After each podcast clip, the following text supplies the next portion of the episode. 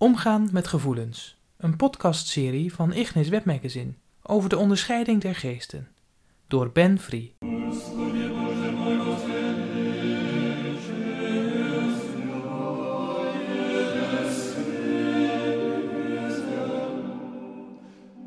Deel 6.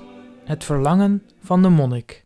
Er zijn in de geschiedenis altijd mensen geweest die hun omgeving ervoeren als iets wat hen voortdurend afleidt van waar zij van binnen mee bezig willen zijn. Ze zochten dus dan rust op, ze zochten afstand, ze zochten isolement. Ze trokken zich terug tot in de woestijn. Het hele monnikenleven en het verschijnsel van kloosters gaat allemaal hierop terug. Ik wil me afzonderen van al, die, eh, al dat gedoe en alles wat er om mensen heen is en wat, er, wat ons afleidt en verwart. En ik wil innerlijke rust en concentratie vinden. Ik heb een beeldje, dat komt uit de abdij van de Benedictijnen in uh, de Slangenburg in Doetinchem. En dat geeft heel fraai weer hoe mensen die dan zo in eenzaamheid willen leven, toch in onderling verband leven. Want helemaal alleen je terugtrekken in de woestijn, dat zou je niet aankunnen. Je ziet dat de twee figuren aan elkaar raken. Het is een lichte aanraking bij het hoofd. Eh, ze zijn echt helemaal naar elkaar toegewend. Ze slaan toch de armen in elkaar. Maar ondertussen zie je dat er een zekere distantie blijft.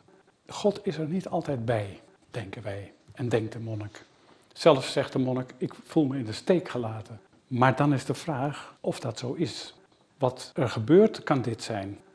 God heeft zich wel aan je laten voelen, heeft zich bij je aangediend, heeft zich aan je laten zien, maar geleidelijk trekt hij zich terug. Niet hij gaat weg, maar hij trekt zich terug, dieper binnenin je. Opdat je eventjes ontwendt dat op elk moment dat jij dat wil, God aanwezig is. Omdat hij zich af en toe terugtrekt, moet je eraan wennen dat hij er dus niet altijd is. En wat is daar nou de achtergrond van? Op die manier wil hij je laten zien dat het niet jouw proces alleen is, dat jij niet alles bepaalt.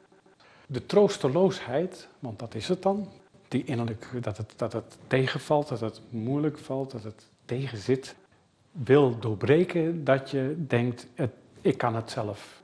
Een zekere ijdelheid.